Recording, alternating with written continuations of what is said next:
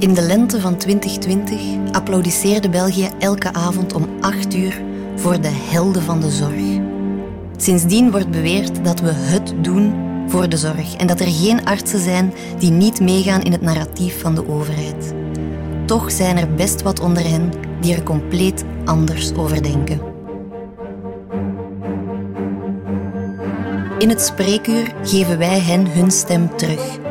Want vele van deze dokters werden tijdens de pandemie bijna letterlijk de mond gesnoerd.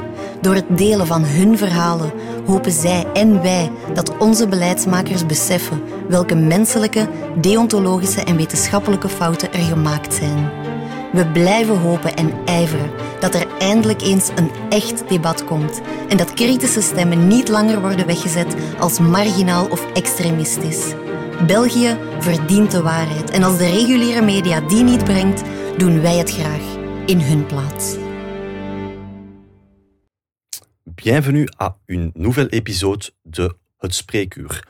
Aujourd'hui avec docteur Pascal Sacré. Bienvenue, euh, docteur. Euh, vous êtes assez connu, je pense, en Wallonie, à Bruxelles, mais pas encore en, en Flandre. Est-ce que vous pouvez vous présenter comme ça les gens Ouais. savent euh, qui vous êtes Bien volontiers.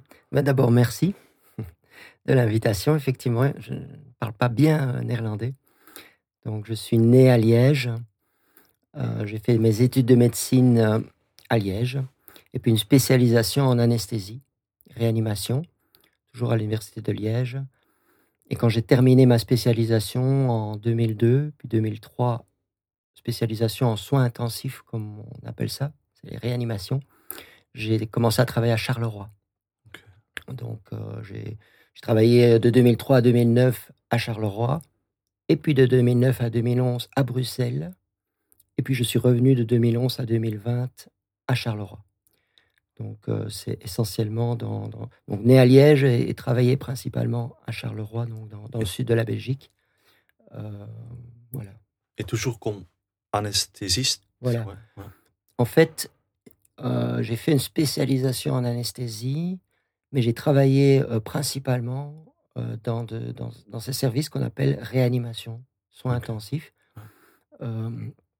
et assez peu dans les blocs opératoires. Je dis ça parce que parfois pour les gens, on a l'idée, l'image de l'anesthésiste au bloc opératoire. Moi, c'est un peu particulier. Mais on a parlé beaucoup de ces services, justement, soins intensifs, réanimation, entre autres euh, à partir de 2020, puisque c'est là qu'allaient les patients euh, sévèrement atteints euh, du Covid.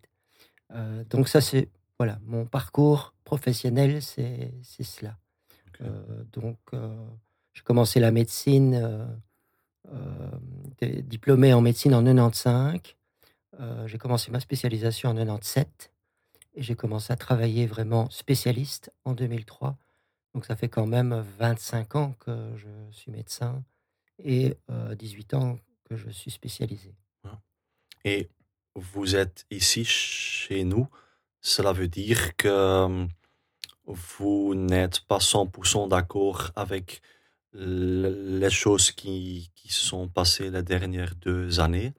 Euh, et on va peut-être essayer d'un peu aller un peu euh, chronologiquement. Euh, Qu'est-ce que vous pensez en, en mars 2020 euh, quand vous avez vu les images à la télé de, de l'Italie euh, Est-ce que vous Ouais. savez ça encore Euh, Oui, oui, oui, oui, oui, ça m'a marqué. hein. En plus, euh, euh, donc c'est un moment vraiment très particulier.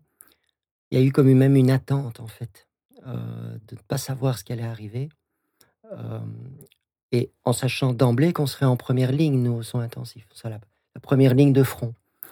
Euh, donc, euh, là, à ce moment-là, euh, on regardait la télévision comme tout le monde, hein, comme, comme n'importe qui, en se disant qu'est-ce qui va se passer, et notamment en voyant ces images provenant d'Italie, mais en ayant déjà la sensation de ne pas comprendre, et ça, c'était assez partagé par mes collègues, qu'on montre euh, notamment des, des convois mortuaires. euh, moi, par chance, euh, je regardais pas vraiment la télévision, j'avais déjà pu un peu couper mon abonnement à, la télédistribution à ce moment-là. Avant déjà Avant, avant c'est vrai. Donc ça m'a un peu protégé. Mais quand je revenais au travail, j'entendais mes collègues parler. Ils ont montré ça à la télévision, ils ont montré ça à la télévision. Et là, on s'était fait la réflexion, alors que nous, on a un métier qui nous prépare au stress, à avoir des choses aiguës, assez dures. Et pourtant, on s'est tous dit, il faut pas qu'ils montrent ça à la télévision. C'est, ça va, quel effet ça va être au niveau de la population générale? Ils vont pas comprendre. Et ça a terrorisé d'ailleurs des médecins dans l'institution, mais j'imagine dans les autres hôpitaux aussi. C'est important parce que faut savoir que dans les mois qui ont suivi, pour beaucoup de médecins, ils ont eu une peur extrême d'attraper cette maladie. et ça, je l'ai ressenti. Et je parle de médecins pourtant, cardiologues, pneumologues, néphrologues, des, spécialistes d'hôpitaux, pas seulement des médecins C'était comme ça? parce que on savait que à ce moment-là déjà que c'était un virus respiratoire. Voilà, donc une possibilité de contamination, de contagion quand même plus élevée qu'autre chose et les images à la télévision. Donc on a beau être médecin, et, même nous, les réanimateurs, pourtant chevronnés, habitués à, ne pas paniquer, à ne pas stresser assez rapidement, même nous, on était, euh, on était euh, effrayés, choqués de ce qu'on voyait. Mais vous pas en ce moment-là Moi, j'avoue que si, j'ai été euh, un peu contaminé par cette peur, comme tout le monde. Non, tout ce qu'on s'est dit, c'est qu'est-ce que ça doit faire alors dans l'esprit d'un monsieur tout le monde, d'une madame tout le monde qui voit ça, si déjà nous, ça nous effraie comme ça. Ça, c'est par rapport à ce qui était fait, ce qui était montré, c'est la première chose moi qui m'a choqué. C'est de, comment, pourquoi est-ce qu'ils font ça? Ok, il faut, j'imagine, euh, alerter les gens, alerter une population, mais pas comme ça. Enfin là, il y a quelque chose que j'ai déjà et mes collègues étaient assez d'accord. On n'a pas compris. Mais dans les premiers jours, premiers jours, premières semaines, j'ai suivi le narratif qui était donné, comme tout le monde. Et euh, à ce moment-là, enfin, moi je vais prendre l'exemple de mon hôpital, mais c'est assez représentatif. Qu'est-ce qu'on a fait? C'est arrêter tout. Donc on a décommandé des opérations, on a décommandé euh, des consultations. on pourra en reparler parce que ça, c'est un des gros points, évidemment, difficiles à accepter aujourd'hui, étant donné l'enjeu euh, est-ce que ça en valait la peine? Mais sur le moment même, on comprenait, puisqu'on s'attendait à voir des dizaines et des dizaines de, de, gens infectés. Donc, on a libéré des lits. Et dans notre service, on a euh, commencé à dire on ne prend plus personne, on va garder ces lits pour les gens qui vont arriver. Et moi, j'ai compris, sauf je me suis dit c'était assez normal, encore jusque-là. Sauf que nous, dans notre hôpital, on est resté longtemps vide. Et donc, ces, malades ne sont pas arrivés. Jamais Non, pas jamais. Mais pendant un certain temps, on n'a vu rien arriver. Donc là, j'ai commencé à me dire, est-ce que c'est si terrible que ça? Il y avait quelque chose. Et d'autres soins intensifs, il y a la région de Mons notamment, il y a des régions comme ça en Belgique, où il y a eu un afflux plus important, plus vite, c'est vrai. Mais on sait aussi que c'est lié à ce que nous, on appelle en médecine les comorbidités. C'est-à-dire que tout le monde ne faisait pas, je crois encore aujourd'hui, ne fait pas, mais en tout cas à ce moment-là, ne faisait pas ce Covid sévère qui amène aux soins intensifs. C'est principalement des gens âgés. Euh, et dans l'expérience qu'on a eue ensuite, quand on a commencé à avoir des patients, je confirme, c'était au-delà de 80 ans. Des gens obèses, comme on dit nous, euh, donc avec un pas seulement un poids, c'est euh, on a un critère qui s'appelle le BMI, Body Mass Index, élevé, hypertendu, euh, diabétique. C'était grosse. Euh, déjà avec ces quatre éléments, c'était 99,99% des patients Covid sévères qui allaient aux soins intensifs. C'était pas du tout Monsieur Tout le Monde hein, qui, venait à ce moment-là. Donc on, on a d'abord eu une première vague, mais tardive, et pas du tout un débordement, en tout cas pour nous, dans notre hôpital. Moi, ça m'a fait dire, mais pourquoi est-ce qu'il continue alors à la télévision ou dans les médias ou dans ce que j'entendais dans, dans, les conversations que j'avais euh, dans ma famille, dans, à, faire peur autant? Et, et là, pas du tout d'emblée en me disant il y, y a volonté de nuire ou il y a corruption, je me posais la question de pourquoi continue-t-il à dire que tous les services de soins intensifs sont saturés, euh, toutes les réanimations sont saturées, on ne va pas s'en sortir? Pourquoi est-ce qu'il continue à faire ça alors que, alors que ce n'est pas vrai? Et ça, je pouvais d'autant le dire que j'étais moi en première ligne. Pour la petite histoire, moi, dans mon service, j'ai intubé le premier patient euh, Covid euh, dans, dans, mon unité. Puis il y en a eu plusieurs. Je ne dis pas qu'il n'y en a pas eu. Et je ne dis pas qu'il n'y a pas eu des soins intensifs débordés, saturés. Mais peut-être ayant admis des gens que hors Covid, on n'aurait pas admis. Parce qu'il faut savoir qu'en soins intensifs, on n'admet pas tout le monde. Je ne sais pas si euh, quelqu'un des soins intensifs s'est déjà exprimé, mais euh, dans ma spécialité, ce, aussi ce dont ils ont parlé beaucoup, le tri, c'est notre quotidien, on a toujours fait ça. On n'a pas attendu euh, la crise du Covid pour parfois ne pas avoir assez de lits pour la quantité de pathologies. Alors ce qu'on fait, c'est on va voir le patient et on, on, évalue, c'est notre spécialité. Est-ce que, ok, on va le prendre aux soins intensifs, mais il ne faut pas que ce soit pour rien. Mmh Parce que de un, c'est lui infliger beaucoup de souffrance. Euh, quand on va aux soins intensifs, parfois on doit avoir un tube dans la bouche. On a des tuyaux partout. Donc il faut quand même qu'il y ait un espoir que ah. ça lui soit utile à la personne. Mais aussi, on a une quantité de moyens qui n'est pas euh, infinie. Et c'est ce qu'on appelle la justice distributive en éthique. Mmh on, a par exemple parfois trois patients à prendre. On va prendre les deux patients qui ont le plus de chances de survivre. Et ça, on, le décide en équipe en général. Euh, voilà. Euh, euh, quand on a de l'expérience. Je dis ça parce que ça, ça a été très, très présenté aussi aux gens sans leur expliquer ça. en, laissant sous-entendre que il y a eu peut-être des, patients, alors que, mais inversement, inversement, ils ont mis en place un tri qui impliquait que, alors que on nous appelait parfois pour aller voir des patients très âgés, là, on a dit non. tous les patients qui étaient dans des services de gériatrie, par exemple, ils n'iraient jamais aux soins intensifs. Et ça, c'est peut-être dommage parce que il y a là-bas des gens qui auraient pu bénéficier des soins intensifs. Bon, voilà. donc, pour reprendre la chronologie, il y a eu d'abord un contraste entre ce que j'entendais moi à la télévision et ce que je vivais dans mon service. Pas saturé du tout, en tout cas pas tout de suite. Et, et puis ensuite, quand on a vu les patients qui étaient admis, on s'est dit, c'est des patients très malades. Est-ce que le Covid n'est pas, je ne vais pas dire une coïncidence, mais quelque chose qui vient évidemment ne rien arranger, d'accord? Mais la grippe aurait pu donner ça à cette personne-là. Une simple infection respiratoire aurait pu les dégrader.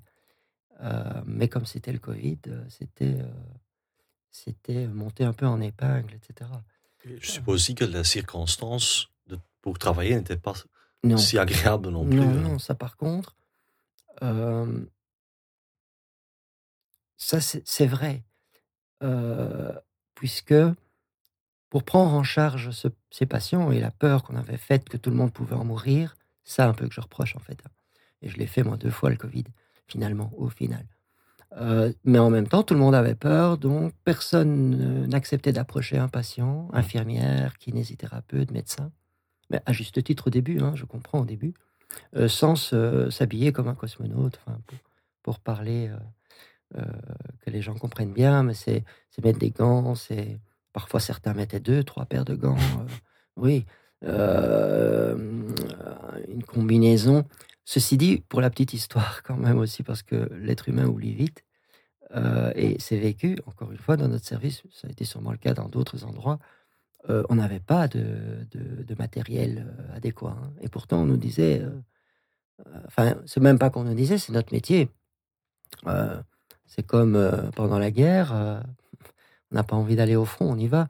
Nous, on n'a pas déserté l'hôpital, on, a vu des, spécialités médicales, peut-être dont on avait moins besoin, mais ils sont plus jamais venus à l'hôpital parce qu'ils avaient vraiment peur. Donc nous, on, l'a fait. On n'a pas le choix, c'est notre métier. Euh, maintenant, au début, on l'a fait en plus euh, en manquant de, matériel et on disait non, pas besoin de mettre de blouse particulière. Et ça a été assez cocasse. Mmh. Après, mmh il fallait presque mettre des, des sparadraps autour des, gants euh, pour que rien ne soit en contact du patient, etc. Mais pour répondre à votre question, c'est sûr que au niveau des gens, des infirmières, euh, surtout, parce que c'est elles qui euh, vont rentrer souvent dans la chambre. C'est pas le médecin.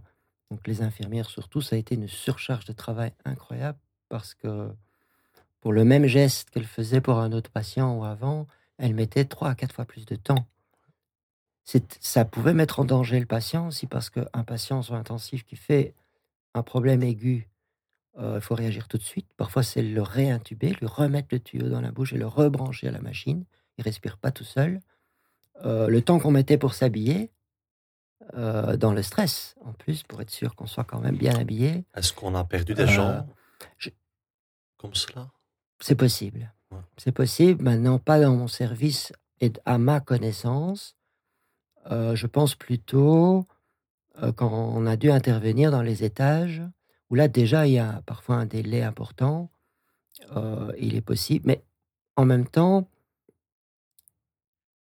en tout cas dans la première vague, avant de comprendre c'était quoi cette maladie, comment est-ce qu'on pouvait la soigner, c'était compréhensible que le personnel se protège le maximum. Je dis juste que euh, et en tout cas, dans mon service, c'était le cas. Euh, on n'avait pas les, matériels adéquats. Et ça, c'est quand même pas normal. Mmh. Mais ça a accentué la peur après. Après, on a commencé à avoir le matériel. Mais là, en comprenant mieux la maladie, comment elle se communique, qui est vraiment euh, à risque de faire une forme grave, on aurait pu adapter ces mesures et revenir à quelque chose de plus rapide. et au premier vague, est-ce que vous avez eu des directives de traitement euh, Qu'est-ce que vous pouvez faire ou... Non, c'est ça, c'était en partie pour ça que c'était un peu angoissant. C'est qu'il n'y avait pas de traitement particulier renseigné. C'est un traitement que nous, on appelle symptomatique. Donc les conséquences de ça, c'était l'hypoxémie, donc le manque d'oxygène dans le sang. Euh, on donne de l'oxygène à la personne. Euh, et d'abord avec un masque, puis ensuite, s'il faut aller plus loin, on met carrément un tuyau euh, dans, dans la bouche et, dans, et on relie à une machine sur laquelle on peut augmenter la concentration d'oxygène mmh. jusqu'à 100%. Savoir que dans l'air, on a 20% d'oxygène. Donc on peut, par nos machines, euh, permettre à quelqu'un momentanément de recevoir 100% d'oxygène. Mais ça, c'était déjà avant. On avait des gens en détresse respiratoire aiguë, quelle qu'en soit la raison, euh, qui avaient besoin de ce genre de traitement.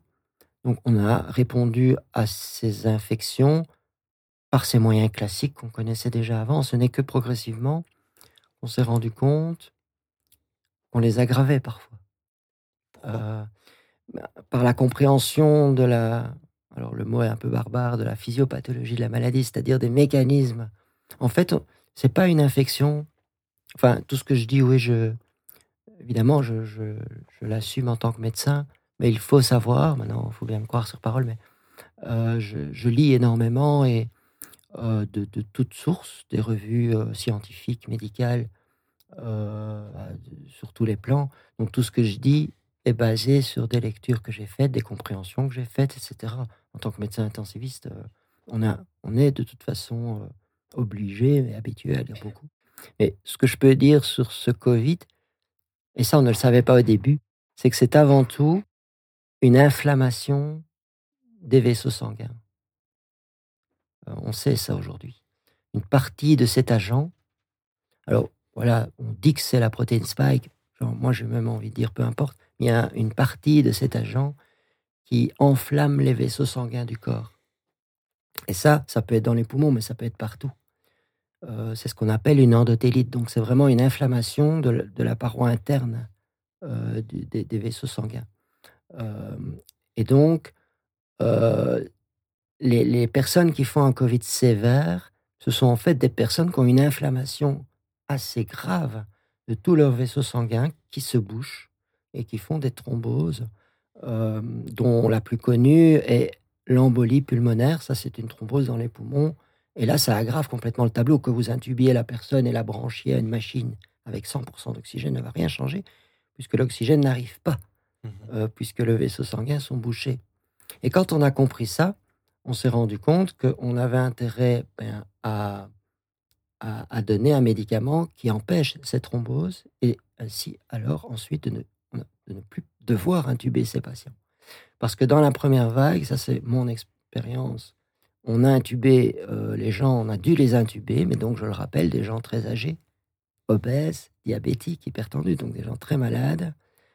Euh, on n'arrivait plus, même quand l'infection avait disparu, ceux qui avaient survécu, parce qu'on en a perdu beaucoup, euh, ceux qui avaient survécu, on n'arrivait plus à les sevrer du, de la machine. Et ils mourraient euh, de complications, non plus de l'infection, mais de complications de l'infection. Mais quand on a, quand on a compris qu'en fait c'était ça, un problème plutôt de thrombose, qu'on a mis les bons médicaments, et bien là ça a été l'inverse. A- C'était quoi les bons médicaments? Bah, c'est des anticoagulants, des antiagrégants plaquettaires comme l'aspirine, qui a, qui a des noms euh, particuliers, l'azaflo. euh, voilà, euh, des antiagrégants plaquettaires. hein. Donc la coagulation, ça commence par une activation des plaquettes. Mhm. C'est les plaquettes qui commencent à, à former ce qu'on appelle un clou. Et puis ensuite, elles activent la coagulation, et ça, ça vient compléter. Ça, là, ça fait vraiment carrément un, un caillot.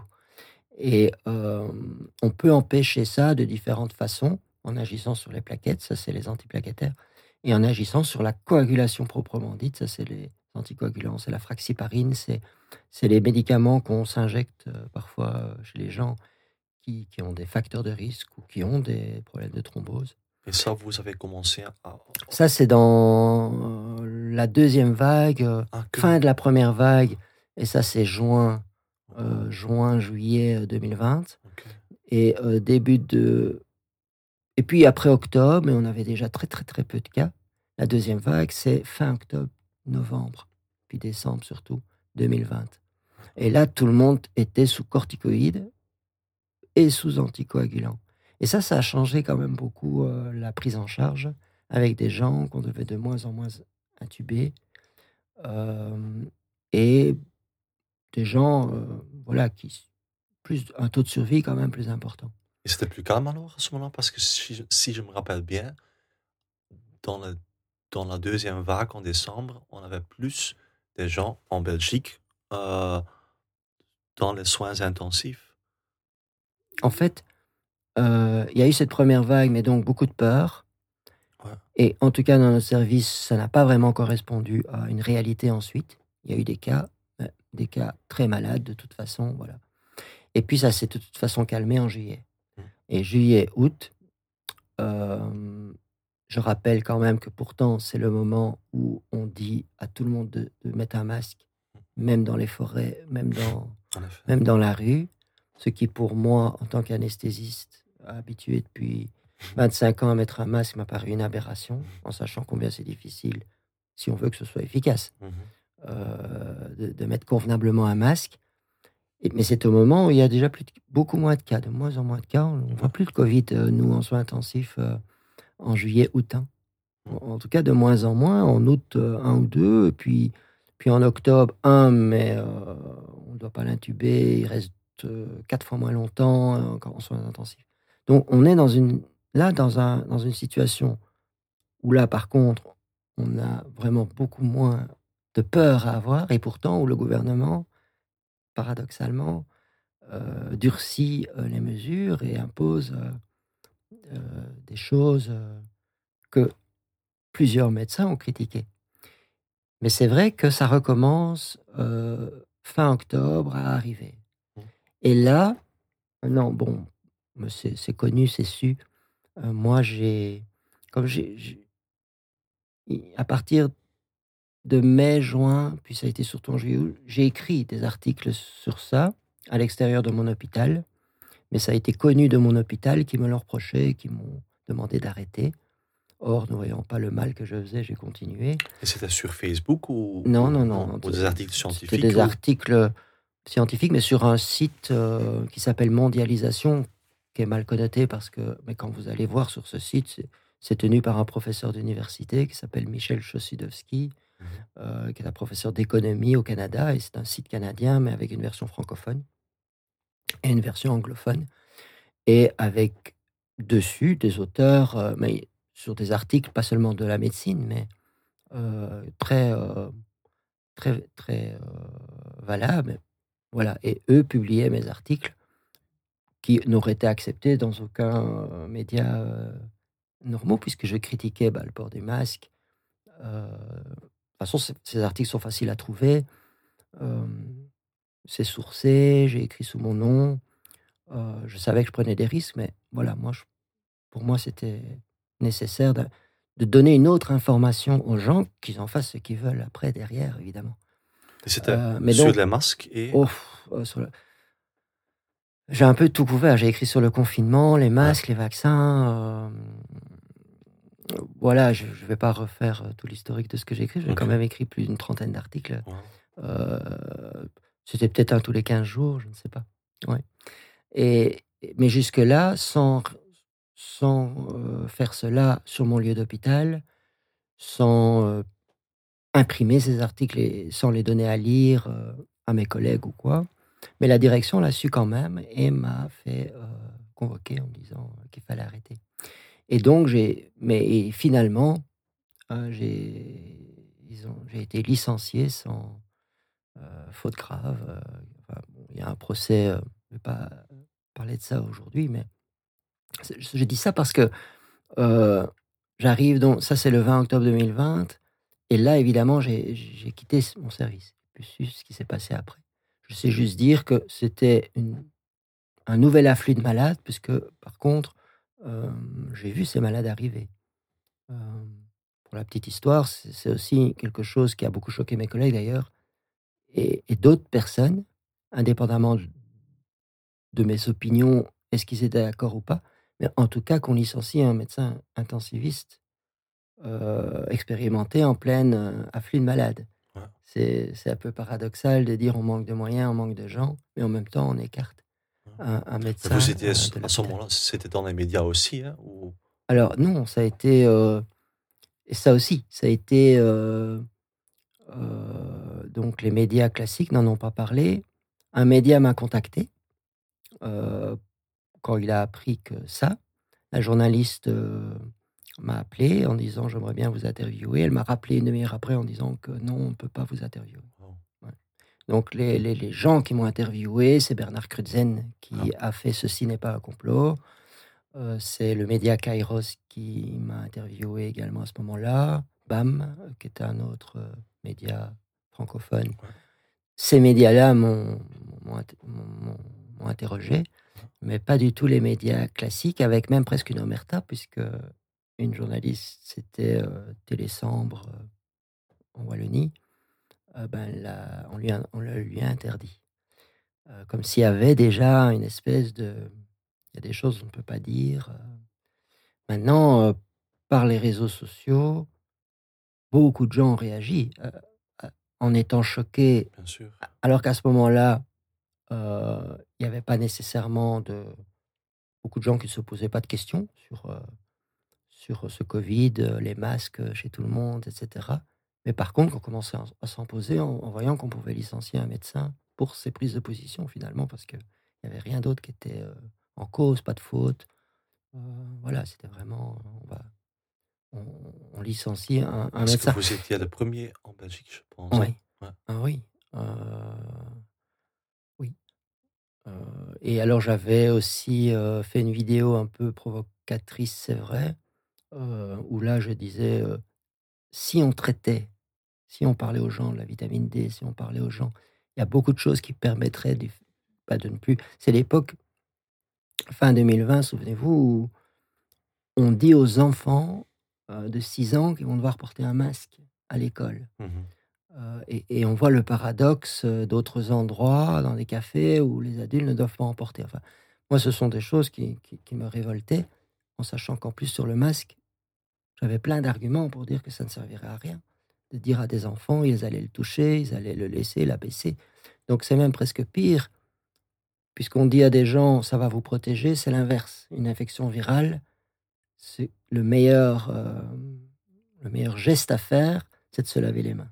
parce que ça se transmet par les mains. Ça, voilà. Mmh. Si vous êtes malade et que vous toussez, vous restez chez vous. Vous n'êtes pas malade ou euh, c'est surtout faire attention à ses mains.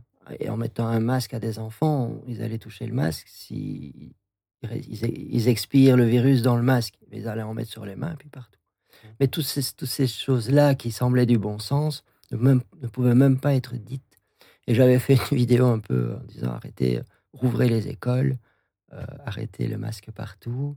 Et, avec ça, j'ai même été convoqué à la police. Ça, c'était euh, en décembre 2020 pour délit de presse. Euh, mon avocat m'a dit on n'a jamais invoqué ça depuis, depuis 50 ans avec le roi. Ceci dit, il faut savoir qu'un délit de presse, ça peut vous amener aux assises. Mais c'était une intimidation parce que ça s'est terminé il n'y a jamais eu de. Non, le policier lui-même, ce jour-là, je ne vais pas lui attirer d'ennui, donc, mais il s'est presque excusé de, m'avoir dérangé pour ça, mais il a dû le faire parce qu'il a reçu un ordre d'en haut. Et, et c'était de l'intimidation. commune ou... Oui, oui, oui. ouais, là où j'habite. Euh, mais c'est aussi pour dire que, donc, forcément, tout en restant en contact avec des médecins des soins intensifs euh, en exercice, j'ai quand même été retiré. Donc, j'ai perdu le contact avec ce qui se passait. Je savais juste que des, des, des, des, des, gens malades arrivaient. Apparemment, des gens plus jeunes, à ce moment-là, auraient fait des Covid plus sévères. Mais je reste dans le conditionnel parce que ça, je peux ni le confirmer ni l'infirmer. Mmh. Moi, je reste sur euh, la certitude et à ce moment-là, euh, en décembre 2020, il y a des études déjà qui étaient publiées, mais il y avait aussi beaucoup de médecins avec une expérience clinique pour dire que on pouvait soigner des gens, il ne fallait pas attendre que des gens se dégradent euh, pour les soigner. Il y avait des traitements efficaces, il y a toujours des traitements efficaces. Et ça, c'est ce que je défends aujourd'hui. Euh, au point de, on ne devrait même pas être là à parler de vaccins, euh, en sachant qu'en plus, on peut en parler, il y a beaucoup de choses à dire sur eux. On ne devrait même pas en parler puisqu'il y a des traitements. Et même si je sais que beaucoup de médecins le contestent, que ce n'est pas accepté, néanmoins, moi je ne demanderais que ça, hein, d'être confronté en débat euh, avec des personnes comme Van Latem, comme Van Ranst, ou même des médecins euh, qui soutiennent qu'il n'y a pas de traitement, parce que preuve à l'appui, expérience clinique à l'appui, études à l'appui, euh, il y a des traitements, dont l'hydroxychloroquine, mais pas que, et qui changeraient la face complètement de, de cette crise. Hein, si on laissait les médecins, comme d'autres peut-être qui sont venus dans cette émission l'ont dit aussi déjà, on n'aurait on n'aurait même pas à débattre du vaccin. Mais le problème, si c'était clair que ces médicaments ou ce traitement fonctionnait, on ne pouvait pas utiliser ces vaccins je sais. Mais j'essaye toujours maintenant, justement, de, garder le dialogue, parce qu'on est quand même dans une situation où il y a des personnes, il y a la corruption. Et ça, j'ai beaucoup écrit là-dessus aussi. Voilà, donc j'ai beaucoup lu des personnes comme euh, Claire Sévrac, euh, Sylvie Simon, des journalistes décédés hein, d'ailleurs aujourd'hui, et pas que, et de, au point de m'être fait une idée assez claire, mais objective, sourcée, argumentée, du passage, je lance pas ça en l'air comme ça, d'affirmer que euh, on prend l'Organisation mondiale de la santé, mais vous allez prendre toutes les institutions euh, sous l'Organisation mondiale de la santé dans chaque pays. Moi, j'ai beaucoup étudié évidemment la Belgique, la France, parce que euh, voilà, je suis belge et que en France, c'est tout près. Mais on peut, je pense, généraliser ça à tous les pays. Si on prend l'Agence européenne du médicament, voilà, en Belgique, c'est Siensano aujourd'hui. Euh, en France, les hautes autorités de santé, elles sont infiltrées. Elles sont infiltrées de lobbies. Et euh, évidemment, ça, ça, comment dirais-je, ça perturbe la lecture de, toutes ces crises. Euh, maintenant, pour ne pas verser dans, dans, ce mot qui ne veut rien dire, mais qui est toujours utilisé, de complotisme, de c'est aussi de d'essayer de, de garder un dialogue avec les gens, de dire, prenons par exemple un médicament comme l'ivermectine, je ne sais pas si les gens qui, qui, voient l'émission connaissent. Mais c'est un des médicaments qu'on peut utiliser dans le Covid. Il y a de la littérature. Il y a même un site qui est tenu par des réanimateurs américains, des médecins qui sont chefs de service, professeurs d'université, qui ont publié des livres dans, mon, dans ma spécialité, les soins intensifs, euh, des livres de référence, et qui ont développé euh, un site qui s'appelle FLCCC, en l'occurrence, Alliance. C'est vraiment de haut niveau. Il faut aller dessus. Euh, et quand on va là-dessus, on voit qu'il y a des études, il y a des preuves vraiment qui justifient d'utiliser ce médicament dans le Covid. Et donc, de, rien que d'utiliser ça, maintenant, il faut pouvoir voilà, amener au moins la personne à s'intéresser à ce site. Le médecin, par exemple, qui dit l'ivermectine ne marche pas, pourquoi tu dis ça? Est-ce que vous avez été au moins voir sur ce site? Est-ce que vous avez lu ces études? Maintenant, on se rend compte souvent que c'est là que le problème se pose. Mais alors, au moins, c'est dit, euh, ce sont des gens qui ne veulent pas entendre cette euh, vérité. Et pourquoi c'est comme ça, ah, selon vous? Alors, je, pense, mais ça c'est mon opinion, après c'est une analyse, je ne connais pas la vérité, mais une des explications, c'est que euh, c'est cette, cette, corruption, mais attention que dans corruption, on a parfois l'image euh, d'argent, mmh d'achat. Alors je, pense qu'il y a quelques personnes, c'est ça le problème, il faut le prouver, euh, mais c'est pas c'est pas ça, c'est pas que ça la corruption. En tout cas, moi, comme j'utilise ce terme, euh, c'est par exemple donner des avantages à une personne ou à un laboratoire qui, du coup, va de, automatiquement, c'est pas normal, mais c'est assez logique, eh bien, va favoriser la personne qui lui a donné cet avantage. Euh, si on prend par exemple les tests PCR, on, on, entend peu un débat sur ce que ça a coûté et surtout à qui ça a rapporté. Mmh. Les laboratoires qui ont été privilégiés. Et, si on creuse, ben, maintenant, ça, c'est pas à moi à le faire. Je trouve que ce sont des choses euh, pour lesquelles il doit y avoir des agences de régulation qui doivent chercher ça. Mais ils vont trouver. Et, c'est ça aussi la corruption. La corruption, c'est aussi euh, euh, favoriser telle personne pour être le chef de son service. Voilà. Et, à partir du moment où on a défendu les vaccins, même si on se rend compte que ben, c'est faux, que ces vaccins sont mauvais, euh, je ne pense pas que le chef de service en question, que la personne incriminée, euh, va le dire. Elle est trop loin dans, dans les arrangements avec les firmes-là. Donc, c'est pour moi une des explications qui fait que,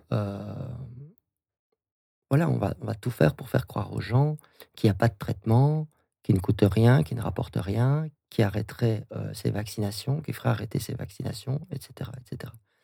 Mais que les gens comprennent bien que corruption, ça peut recouvrir beaucoup d'aspects.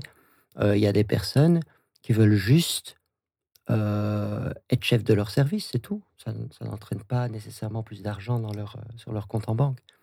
Il y en a d'autres qui veulent juste pouvoir publier et bah, voilà, et on leur donnera pas la possibilité de publier si s'ils ne disent pas euh, ça et pas autre chose. voilà. Pour moi, c'est une des explications. La deuxième explication, c'est que euh, euh, les médecins, on, peut, on pourrait penser que parce qu'on est médecin, on a d'office un esprit critique ou un esprit curieux. Et là, je vais peut-être décevoir les gens. non, pas du tout. Au contraire, je dirais. Au contraire, euh, moi, c'est un constat que j'ai fait euh, par rapport à ça. Euh, on, nous habitue plutôt à être conformiste en médecine, à être obéissant. Hein. J'ai une petite anecdote, mais qui est très représentative. je connais un médecin généraliste qui juste assez âgé, continue à travailler et qui a soigné énormément de patients âgés dans un home. Et il a notamment traité avec les bons produits. Et il n'a quasiment pas eu de mortalité Covid, lui. Non, voilà. Mais c'est un médecin qui prescrit de la vitamine D, qui prescrit euh, du zinc. Euh, voilà. Eh bien, il s'est fait, assez récemment d'ailleurs, euh, viré de ce home, enfin, comme médecin. Et comme il est encore en contact, la première chose que sa remplaçante a fait, qui est une jeune médecin, c'est d'arrêter tous ses traitements à base de vitamine D, de zinc. Et l'argument, le gouvernement a préconisé qu'il ne fallait pas donner de la vitamine D, la ministre de la Santé. Le ministre de la Santé dit qu'il ne faut pas donner de vitamine D, c'est vrai. Hein, euh, euh, je pense que Vandenbroek, euh, ou en tout cas certains experts, il faudrait retrouver, mais notamment Yves Valentin, arrive à dire que, alors que là encore, hein, il y a plein d'études, oh, on sait depuis la grippe et depuis longtemps que la vitamine D va aider le corps à, faire moins d'infections, et s'il fait une infection, à ce qu'elle moins sévère, à ce qu'elles sont moins sévères. On le sait depuis longtemps, mmh. c'est pas propre au Covid, mais c'est encore plus vrai dans le Covid. Et donc déjà, dire ça pour un ministre de la Santé ou un expert, c'est grave. Mais en plus de ça, ben voilà, du coup, il y a plein de médecins qui ne réfléchissent pas, euh, qui vont pas voir par eux-mêmes, et qui applique ce qu'un. Et, si on prend notre ministre de la Santé, en plus, il n'est même pas médecin. voilà. C'est une anecdote, hein, ça, évidemment, c'est pas. Je dis pas que c'est comme ça partout, mais avec cette anecdote, vous avez aussi une explication du fait que beaucoup de médecins appliquent. Par contre, on est quelques-uns à avoir fait l'inverse, finalement, à s'être mis en contradiction avec les ordres, le narratif, pas par rébellion hein, ou masochisme ou plaisir euh, d'être convoqué à l'ordre des médecins, d'être licencié, tout Parce simplement. Que ça faire, je m'imagine. Ouais, c'est pas évident, mais il n'aurait pu en être autrement parce que voilà, c'est c'est pas c'est juste pas possible euh, de mentir aux, patients euh, sous prétexte qu'on nous en donne l'ordre. mais c'est vrai que vous allez plus trouver chez, chez l'être humain et donc chez les médecins l'obéissance de se dire je veux pas d'ennui, ou c'est plus facile, tout simplement. Hein. C'est plus facile de dire le ministre l'a dit, donc je fais ce que le ministre me dit de faire, euh, ou les experts ont dit, euh, voilà. Enfin, c'est mon opinion maintenant. Ça, mmh. Et le constat qui fait que on est peut-être un médecin sur 100, euh, je, et je dis ça comme ça, j'en sais rien, pourrait peut-être, je crois que c'est moins que ça même, à, à, dire des choses qui vont à contre-courant du, du narratif officiel alors qu'on devrait être beaucoup plus que ça. Oui, je pense aussi.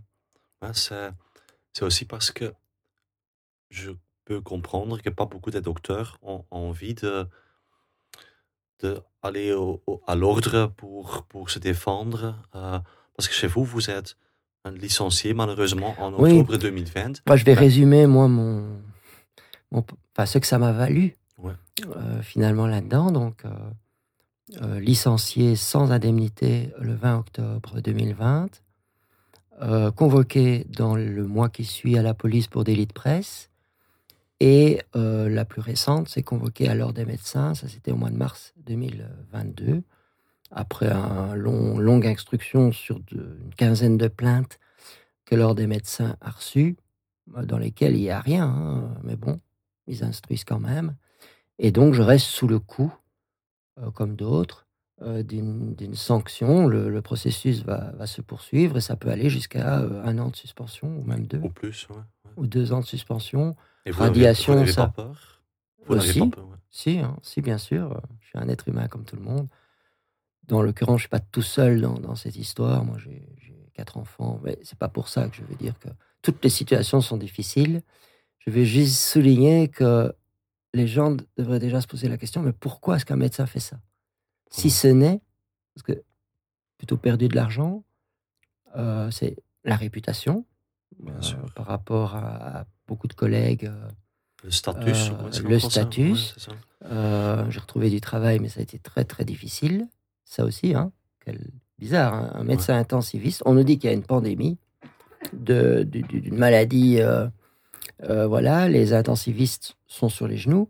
Mhm. Et pourtant, vous avez un intensiviste, j'ai tué personne, je euh, je suis pas drogué, euh, je suis compétent, et il trouve pas de travail. C'est dingue hein, quand même ça. Mais mhm. j'ai réussi à en retrouver, heureusement. Mhm. Et j'ai toujours cette, cette épée de Damoclès, cette peur, oui, avec l'ordre des médecins, parce que s'ils me retirent mon numéro d'ordre, je ne peux plus exercer non plus à nouveau. Et même pas seulement en Belgique, mais ça en Europe Ah, c'est possible de pouvoir peut-être aller travailler. Mais bon, je suis établi en Belgique depuis, Ouais, bien euh, sûr. depuis toujours. euh, J'ai une famille, euh, c'est pas évident. Donc, euh, c'est vrai que ça peut refroidir des médecins, sauf que moi, je dis, je me, et ça, je peux le dire, c'est pas me vanter, euh, je ne le ferai pas autrement, malgré tout ça. C'est pas euh, faire le malin ou me vanter, hein, c'est pas pour ça que je dis ça. Pe- Peut-être pour, pour amener les médecins qui se poseraient des questions au niveau conscience, parce que je sais qu'il y en a. Ils sont pas tous idiots ou, ou euh, corrompus, loin de là. Euh, ça doit être difficile et ça va être de plus en plus difficile euh, de, de, d'avoir la conscience tranquille, je pense. Euh, donc, je pense que là, il y en a beaucoup quand même qui se posent des questions. Et moi, mon message, malgré tout ce que j'ai enduré, qui pourrait les refroidir, faites-le quand même parce que ça n'a pas de prix inversement euh, d'être en paix avec sa conscience. Par rapport à tout ce que j'ai fait, je le referai. En, sachant que ce que ça donne. Et c'est pas, euh, pas euh, crâné, hein, de- je sais pas comment. Je pense qu'ils font ça aussi beaucoup pour leur famille, hein, pour les Oui, raisons justement. que vous avez dit, hein, c'est euh, l'argent, le statut. euh, Oui, et justement, sauf- ouais, moi j'ai eu la chance, c'est vrai, de ne pas être seul et d'avoir été soutenu par ma famille, hein, Ah. au lieu d'être aussi rejeté, enfin, ma, ma femme et mon, mes enfants, ma famille proche. Et, et ce que je voudrais dire aussi, par contre, c'est qu'au niveau de la population Mhm. qui se réveille, Ouais, maintenant, oui, de plus en plus. voilà, à ma convocation à l'ordre des médecins, donc j'étais devant trois médecins et un magistrat, je leur ai dit ça. Je leur ai dit, est-ce qu'il ne serait pas temps d'écouter les gens? Parce que maintenant, euh, bon, je ne sais pas ce qui peut arriver, mais on peut imaginer que certaines parties de la population qui les aura écoutés, qui se sera vaccinée, mais qui à un moment donné, voyant que ben, on n'aura peut-être pas dit toute la vérité, on a masqué les effets secondaires, elles sont en colère, hein, de, Ouais. légitime. Moi, je, je ne milite pas du tout pour la violence. Je pense que la violence serait une très mauvaise solution. Mais il peut y avoir un moment où, où les choses soient très difficiles et, et peut-être qu'il est encore temps de faire marche arrière. Je comprends, hein. je comprends un politicien, un gouvernement. Il devait trouver une solution pour rassurer une population aussi, c'est vrai. Euh, et je comprends un système qui a défendu et puis qui se rend compte qu'il faut faire marche arrière. Maintenant, il y a moyen de le faire. Mais par contre, ne pas le faire et s'obstiner va amener à un moment. Et ça, je l'ai dit alors des médecins. euh, par rapport à. Parce que la population se réveille et par rapport à ce, ce qui m'est arrivé, j'ai par contre inversement eu beaucoup de solidarité Mm. de médecins, parce qu'en fait, c'est assez cocasse. Il y en a beaucoup qui se taisent ou qui, qui sont plus discrets, mais qui n'en pensent pas moins et qui ont traité les gens, sans le dire. J'en connais beaucoup. Euh, je ne citerai pas leur nom Mm. euh, pour les protéger, mais euh, c'est sûr. Et, mais c'est des milliers, hein, c'est pas. Donc, il y a une solidarité qui est, elle est formidable. Des, des- et de non-médecins, des gens qui sont reconnaissants. C'est ça aussi par rapport à des médecins qui pourraient encore hésiter, alors qu'ils voient euh, qu'il y a quand même des choses qui, qui ne vont pas. Euh, ben, franchement, ça vaut la peine parce que on est en paix avec sa conscience. Et de toute façon, ce qu'on pourrait avoir peur de perdre, que ce soit même l'argent ou le statut, on le récupère et d'une façon beaucoup plus euh, saine, moi j'ai envie de dire. Voilà. Ça, je peux le dire puisque je suis passé par là. Euh, mais c'était pas facile aussi, ça, je peux le comprendre. Je trouve que c'est intéressant que vous dites qu'on doit garder le dialogue Oui, euh, et on doit aussi comprendre que, comprendre, je pense que la majorité des politiciens et, et docteurs ne savaient pas tout et fait. ils avaient de la peur, euh, beaucoup de, de- de la peur aussi. Et même maintenant, hein, on est deux, deux, deux années plus loin, euh, ça voilà, devient un peu ça. temps de commencer à lire. Oui. euh, Oui, il est plus que et- temps. ouais. Mais c'est ça que j'ai dit au début, il y a eu une peur. Moi, j'ai été un peu euh, plus vite, je suis plus vite sorti de, la, de cette peur que les autres, euh, bah, par ma nature. Ça, j'en suis heureux d'être comme ça. Mmh m'a amené des problèmes, mais en même temps, j'aime beaucoup mieux être comme ça. Et c'est vrai, j'avais déjà lu pas mal euh, sur ces choses-là avant, et notamment eu la, crise H1N1 qui, qui s'est produite en 2009, hein, mmh dont certains ont, parlé d'ailleurs à juste titre, mais je trouve qu'on on ne revient pas assez là-dessus puisqu'on retrouve ces mêmes experts. Or, là, euh, on peut aller y retrouver des médias, des parties de journaux télévisés, et où là, les médias ont fait leur travail d'ailleurs, hein, en tout cas plus qu'ici, euh, et avec déjà mise en évidence de conflits d'intérêts entre les experts choisis par le gouvernement. Et c'est ça qui est un peu incompréhensible de reprendre ces mêmes experts 11 ans plus tard, dans un contexte vraiment similaire. Hein. Mais comme moi, j'avais. Euh, c'est d'ailleurs là que sur les vaccins notamment, j'ai commencé en tant que médecin, qui euh, était comme les autres hein, par rapport aux vaccins, ne me posant aucune question. j'ai commencé à m'en poser. Et c'est assez. Alors, même s'il y a parfois des personnes qui parlent des vaccins sans, sans, sans, sans, les connaître, que ce soit pro ou anti, il est un fait que quand vous commencez à vous intéresser au sujet, mais quand je dis vous intéresser au sujet, c'est lire des livres. Hein. Mmh. C'est lire des livres, il y a des, dizaines de livres sur les vaccins, de médecins et de scientifiques quand même posés, calmes, qui, décrivent les choses. Euh, vous commencez à vous poser des questions, ça c'est un fait, euh, au point de vous dire, il y a peut-être là quand même un problème avec les vaccins. C'est quand même un, produit, c'est vrai. Et encore une fois, c'est des questions hein, que, je pose. Euh, par rapport à un médicament, quand vous prenez un médicament, il y a une boîte avec une notice. Et les gens aujourd'hui, en 2020, ils, vont sur Internet, ils, lisent la notice, les effets secondaires, ils sont d'une euh, remise en question.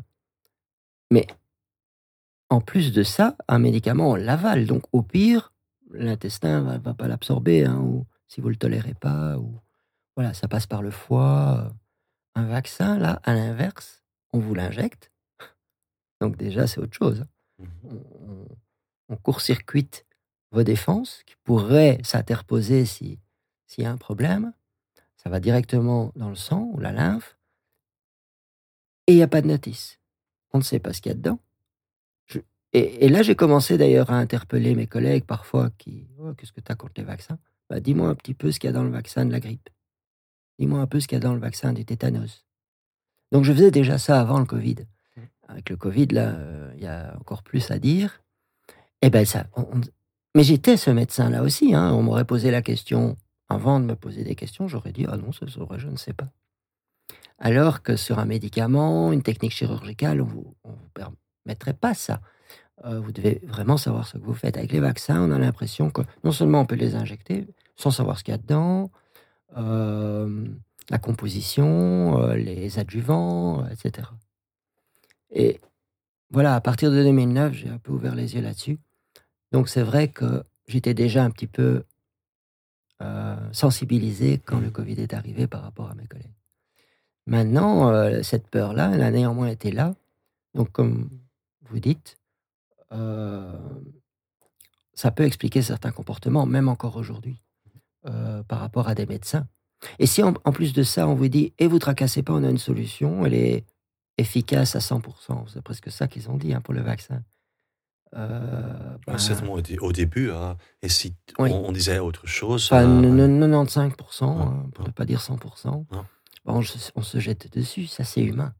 Qu'on soit docteur ou pas, on vous fait très peur.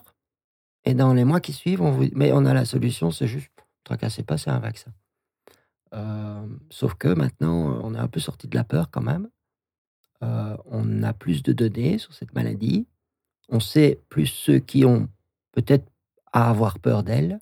Il y a des solutions. Il n'y a pas que le vaccin. Et sur ce vaccin, on commence à voir aussi. Euh, donc là, maintenant, mais comment le faire? Je crois qu'il y a eu des médecins, et pas que, qui ont alerté, comme moi, euh, c'était nécessaire, c'était difficile, mais c'était nécessaire. On doit continuer ce travail, mais il faut le compléter soit par d'autres personnes ou les mêmes. Mais nous, on est connotés, on est, on est mal perçu, évidemment. Donc peut-être par d'autres, un travail de, de réconciliation maintenant.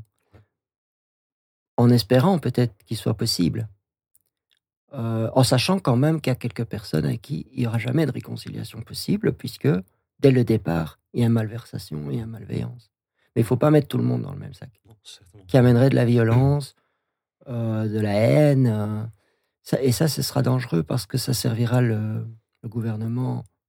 à prendre d'autres mesures. à prendre d'autres mesures. c'est tout ce que ça amènera. Euh, quand je dis je, rétablissons le dialogue, c'est pas oublier nécessairement, tout pardonner, mais ça, c'est, c'est nécessaire si on veut. Et je pense qu'il y a quand même une partie des médecins, des gens qui ont fait l'erreur. Et ça, ça doit être difficile aussi quand on a fait une erreur et on sait en psychologie en plus que euh, ce qu'on appelle le déni, la dissonance cognitive. Euh, quand, quand on a pris une décision, on va avoir très très très difficile, même quand on a devant soi l'évidence, pour changer d'avis. Donc, il faut arriver à, ça. Et, là, euh, c'est pas par les mêmes moyens qui ont créé cette dissonance cognitive qu'on va y arriver. Donc, parfois, moi, je, vois aussi qu'on on parle beaucoup des effets secondaires. Il y a plusieurs façons de parler des effets secondaires. Et là, il faut faire parfois attention parce que ça peut aussi générer de la peur chez les gens qui sont vaccinés, parce que mmh. leur dire euh, vous risquez de mourir, euh, telle maladie, imaginez, mettez-vous à la place de la personne qui en attendant l'a fait parce qu'elle euh, pensait vraiment, elle, échapper à une maladie grave, puis elle commence à comprendre que c'était peut-être pas la bonne chose à faire, qu'en plus, comment est-ce qu'elle peut réagir? Donc, il faut aussi aller lui dire, maintenant, si, vous arrêtez maintenant, ben, c'est mieux quand même que de continuer à se laisser injecter. Donc les gens qui ont été injectés une fois, deux fois, c'est pas grave. S'ils arrêtent maintenant, il y a probablement moyen de, de, de, les aider. Euh, et, et voilà. Et, de commencer, oui, à s'intéresser aux, autres traitements. Euh. Parce que notre corps est hyper fort. Hein. Bien sûr. Et ça, ça aussi, c'est c'est un de mes chevaux de bataille, tout en ayant pourtant l'expérience d'un médecin hospitalier, donc très médecine allopathique avec médicaments. Je me suis aussi très fort intéressé aux médecines alternatives. Je milite pour qu'on puisse utiliser par exemple l'hypnose dans les soins intensifs. Or, c'est quand même des disciplines. Est-ce que c'est alternatif? Parce que ça, on fait déjà assez longtemps dans les autres pays, non? Il y a des pays où ça se fait dans les blocs opératoires, mais euh, ça reste quand même très difficile. On se heurte aux préjugés. C'est pas évident. Mais les huiles essentielles aussi. Euh, l'acupuncture en soins intensifs. Mhm. Et moi, je vois plutôt, euh, non pas une médecine exclusive, moi je sais tout et tout le reste. Et évidemment, je me mets à l'écart de tout ce qui est argent. Hein. c'est pas mon problème que ça rapporte ou pas. Qu'est-ce qui peut aider mon patient? Mhm. À partir de là, mais parfois, oui, c'est la chirurgie, oui, c'est euh, une machine, oui, c'est un médicament, mais parfois, ça va être des huiles essentielles, de l'hypnose ou l'acupuncture, du reiki, enfin. Euh, et, je trouve que là, on a un rôle à jouer aussi d'ouvrir ça. Mais on se heurte à beaucoup de. Je pense que ça va être un, une bonne, un, bon, un bon conséquence de, de la crise, parce que beaucoup plus de gens ont et vont trouver euh, ces choses, allez, pas alternatives, mais complémentaires, je pense. J'aime pas le mot euh, alternative ou parallèle. En, français, c'est vrai qu'on dit souvent parallèle. Mmh. Non, c'est péjoratif. Moi, je vois, oui, euh, c'est des médecines, mmh.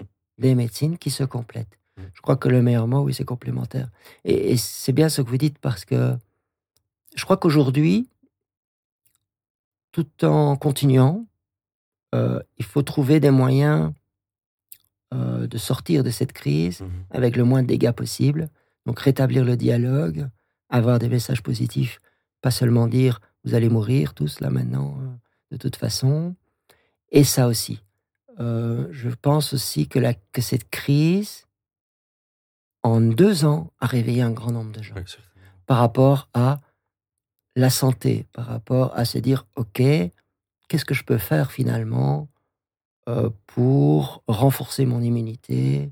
Et ça, c'est l'alimentation. Mmh c'est, euh, on parle beaucoup du microbiote qui est, euh, ce sont ces bactéries qu'on a dans le corps. On voit, on voit maintenant que chacun a une population bien précise qui va, qui va aussi influencer sa personnalité. Et ça, c'est l'alimentation. Et beaucoup de gens se remettent en question, plus ou moins. Mais... Et donc, je pense que ça, il aurait peut-être fallu 10 ou 20 ans, avec de la chance, pour que ça se passe, alors qu'en deux ans, même s'il y a des gens, euh, c'est vrai que par contre, il y en a euh, qui n'ouvrent pas les yeux, mais il y en a eu qui ont, ouvert les yeux, et ça, c'est grâce à cette crise aussi. Il y a des choses dont on peut parler en même temps, finalement, grâce à cette crise. Et je pense qu'à court terme, le Big Pharma voulait gagner beaucoup d'argent, mais à long terme, ils vont beaucoup perdre. Je pense. Euh, oui, maintenant, les gens doivent rester vigilants. Moi, un de mes grands messages aussi, euh, je trouve que on voyait ça il y a 2000 ans, ou dans une culture comme la médecine chinoise. Euh, et encore une fois, tout en étant un médecin qui a été longtemps un médecin hospitalier, en réanimation en plus, plutôt revenir à l'idée de dire à la personne, elle, elle, peut déjà faire beaucoup de choses pour se maintenir en santé mmh. et pour ne pas devoir aller voir le médecin. Comme en Grèce, euh, il y avait cette philosophie en Grèce, euh, l'hygiène de vie. ils adoraient le, dieu de la médecine, c'est Esculape, Asclépios euh, était très peu adoré en Grèce. C'était ces deux filles. Il y avait euh, Panacée, ça c'était les médicaments, et Hygiée, l'hygiène de vie, qui, qui, murmurait à l'oreille euh, du grec des gens les petites choses qu'ils devaient faire, se reposer, faire du sport, enfin. Et ils privilégiaient énormément ça pour ne pas tomber malade, justement, de revenir à ça et de faire, de dire à la personne, soyez votre, votre médecin. Et aujourd'hui, je dirais que c'est même important puisqu'à l'hôpital, il risque d'être sans faire de généralité, il reste dans les hôpitaux des gens extraordinaires, hein, pour ce qu'ils peuvent, je crois. Malheureusement, comme ça devient euh, géré comme des banques, euh, ça doit être rentable. Et avec tout ce qui se passe avec le vaccin et, ces, histoires-là, on a de plus en plus de risques d'être maltraités aux, hôpitaux. Donc, même si c'est un bon conseil de dire aux gens, bah, comment, Faites attention à votre taux de vitamine D, euh, mangez bien, bougez. Je crois qu'aujourd'hui, c'est encore plus vital parce que grâce à ça, ils ne devront pas aller à l'hôpital pour une petite affection respiratoire, une sinusite, une grippe ou un Covid. Parce qu'encore une fois, je rappelle, on le sait aujourd'hui, euh, rassurer les gens, pour 90% des gens en Belgique, en dessous de 60 ans, il n'y a pas de crainte à avoir du Covid. il n'y en a vraiment pas. si on va vers les jeunes et les enfants, là, encore plus. Euh, par contre, euh, euh, si on vous, s'ils font un petit affection respiratoire qui traîne, ils vont à l'hôpital, on fait un PCR positif, etc. Là, ils vont rentrer dans un système qui va pas bien les traiter. Mmh Donc, cette notion de revenir à finalement prenez soin de votre corps, il va vous le rendre. C'est un bon conseil, mais aujourd'hui, c'est encore vital. Et ça, je milite pour ça aussi. De, parce que du, fait que j'ai été licencié, ben, j'ai quand même continué à faire de la médecine. Donc, je recevais des gens chez moi. Je le fais encore aujourd'hui parce que j'ai le temps. Ben, c'est ça que je, reçois les gens pour leur donner des conseils de nutrition, de, prévention. Et c'est le message que je leur dis. Euh, je vous aide. Vous allez mettre en place des choses. Euh, on se revoit pour voir si, c'est facile. Mais le but, c'est que vous ne reveniez plus le voir, ou une fois toutes les lunes, parce que vous avez repris en main votre santé. Je pense que c'est un message super important. Euh, je vois qu'on est déjà en train de parler assez longtemps, euh, mais c'était super intéressant. Est-ce que vous avez encore une dernière message que vous voulez certainement encore euh, partager avec les gens qui regardent ou écoutent? Bah, Je crois que j'ai été, c'est vrai, j'ai déjà délivré un peu des messages, peut-être la synthèse que j'ai dit, mais c'est c'est c'est à la fois peut-être de commencer à écouter, enfin encore plus à écouter des médecins qui ont mis leur carrière, pour certains leur vie, euh, en danger. Pourquoi? Donc euh, voilà, d'écouter, et grâce à vous, en fait, hein, il y a des médias comme vous, parce que je pense que les euh, les, gouvernements, les autorités risquent d'être enfermés dans un système et ça va vraiment, vraiment être très difficile pour elles de faire marche arrière. Donc, c'est les gens qui, qui, vont devoir, je pense, euh, dans, dans les semaines, mois qui viennent, réclamer euh, ce à quoi ils ont droit, une bonne médecine, euh, des informations vraies, etc. Et, et, et là, elles vont devoir être actives, se manifester, mais de tout faire, terminer peut-être là-dessus, et c'est, j'espère, le message que je véhicule, c'est de, de, tout faire pour que ça soit dans le calme, dans, dans, dans la paix, quoi, dans, dans, une...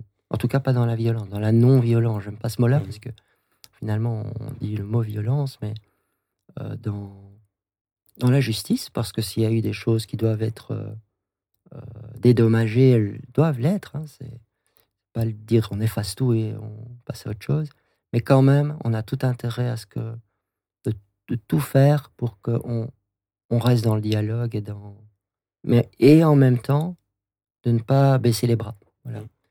Euh, quels que soient les autres thèmes avec lesquels on va nous occuper dans les semaines et mois qui viennent, c'est toujours la même chose. Euh, faire attention à cette corruption, à ces mensonges. Et, euh, voilà. et on est puissant. On, on, peut penser que tout seul, euh, quidam, qu'est-ce que je peux faire? Ben, C'est faux. On est là où on est, tous, rien qu'en disant non. Euh, pas porter le masque dans des endroits où là, vraiment, hein, c'est de la maltraitance avec les enfants à l'école, etc. Un professeur. Voilà. S'il est tout seul dans son école, ça va vraiment, vraiment être très dur pour lui. Mais s'ils sont 20, bah, c'est fini. Mmh Et ainsi de suite. Donc de réfléchir à des choses comme ça. Donc à la fois de, de relativiser ce qui arrive, de rester calme, mais de ne pas baisser les bras. Merci, euh, docteur, pour ce message. Très important, je pense, euh, parce que eh, on a déjà eu beaucoup d'épisodes. Euh, en général, on essaye d'expliquer les choses qui vont pas très bien, mais je pense que vous avez raison. Euh, c'est très important de continuer à avoir le dialogue, comprendre que pas tout le monde avait des mauvaises, euh, comment dit en français, mauvaises intentions. Idées, intentions. alors, c'est très intéressant.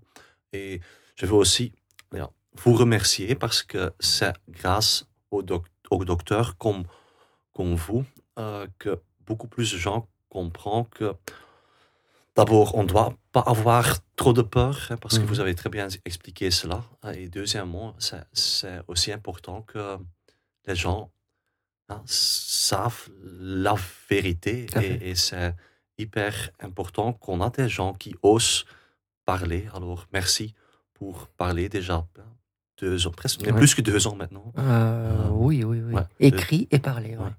Alors, merci pour ben, cela et merci pour venir merci chez aussi. nous. Merci aussi de nous donner la parole, de me donner la euh, parole et de nous donner la parole. Merci aussi. Super.